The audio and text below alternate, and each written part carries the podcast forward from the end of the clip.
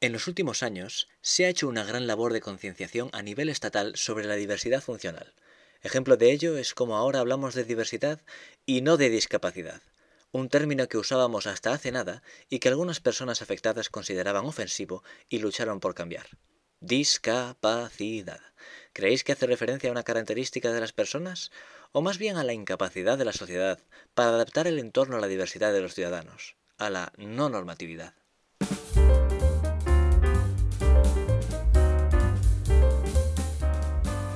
Soy Soto, Nicolás Soto, y esto es En la diversidad está el gusto, un podcast de Arquitectura sin Fronteras Cataluña.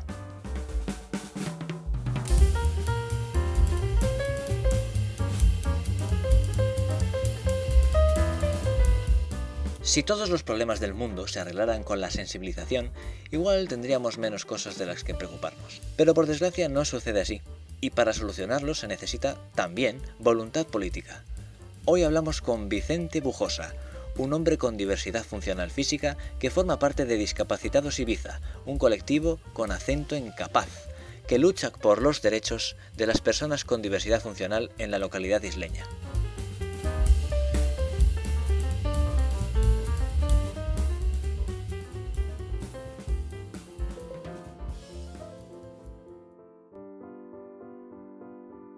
La discapacidad es una característica de las personas o más bien es la incapacidad de la sociedad para adaptar el entorno a la diversidad de los ciudadanos, a la no normatividad? Vicente, ¿qué etiqueta tiene tu discapacidad? ¿Cuál es la causa?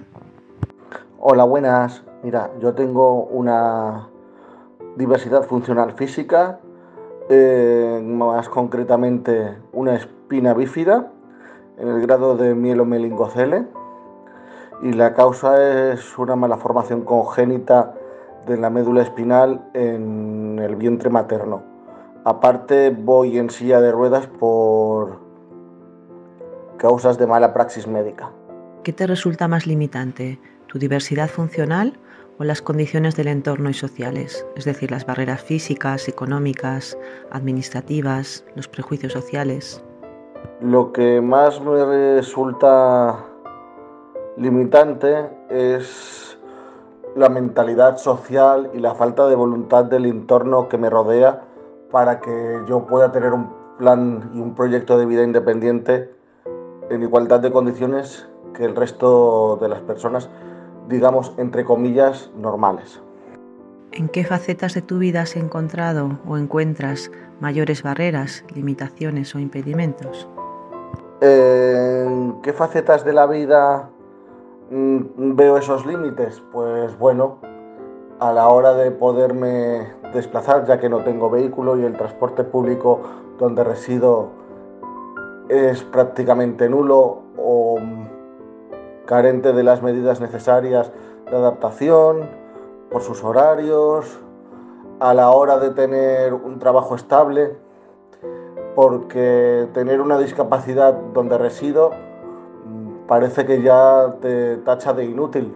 Vale que es cierto que tengo una incapacidad permanente absoluta, pero eso no me impide trabajar como he podido realizar fuera de donde estoy residiendo ahora mismo. Yo diría que es más que nada una cuestión de voluntad de las personas que dirigen el entorno donde resido, porque creo que si hay voluntad todo se puede. ¿Consideras que el Estado y la sociedad cuidan de las personas con discapacidad o tienen en cuenta sus necesidades? Y bueno, pues yo creo que no. Yo creo que a la hora de la verdad eh, estamos excluidas todavía. Sí que se ha hecho una gran labor de concienciación, pero no estamos incluidas dentro de la sociedad en plenas condiciones y en igualdad de condiciones. Ese es mi criterio. No sé si en otras partes del país eh, será así. Me, bueno, me llega a constar de que no, pero digamos, en el entorno donde resido, sí. Eh, vengo a decir que parece que donde resido tener una discapacidad es ya no sirves para nada y no es así. ¿Crees que el enfoque asistencialista imperante resuelve tus problemas, carencias o dificultades? ¿Sientes que tus necesidades como persona son tenidas en cuenta o más bien que tú quedas diluido o berrado tras la etiqueta de persona con discapacidad? Para mí, desde luego, el sistema no resuelve todas las carencias o todas las necesidades que tengo como persona con diversidad funcional física, ¿vale? Eh, sí que se ha hecho un gran camino, una gran labor, pero no siento que estén cubiertas todas mis expectativas y todas mis necesidades. Eh, a nivel social, a nivel de relaciones, eh, a nivel laboral, a nivel de vivienda sobre todo, ¿de acuerdo? Y bueno, ¿qué creo que se está haciendo bien?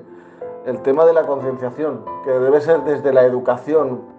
Hay que apostar por una educación exclusiva y no excluyente, ¿vale? En igualdad. ¿Qué cosas están haciendo bien? ¿Qué cosas crees que deben cambiar para que puedas ser un ciudadano de pleno derecho, sin limitaciones para ejercer o desarrollar tus derechos, como vivienda, trabajo, sexualidad, identidad, proyecto vital? Mm, yo considero que, porque yo vaya en una silla de ruedas eh, y tenga una discapacidad, mm, no tengo por qué ser diferente de otras personas. ¿De acuerdo? Yo no quiero privilegios, quiero mis derechos. Los derechos que como ser humano se deberían de otorgar, los que como ciudadano se contemplan en todas las leyes.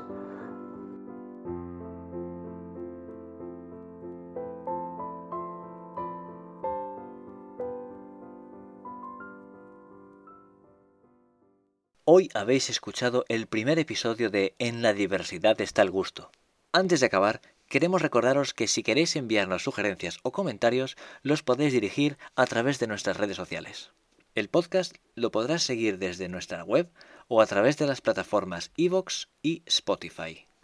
Todo esto ha sido posible gracias al trabajo del Voluntariado de Arquitectura Sin Fronteras Cataluña y del alumnado del curso de Accesibilidad y Educación Inclusiva, un reto internacional para la justicia social.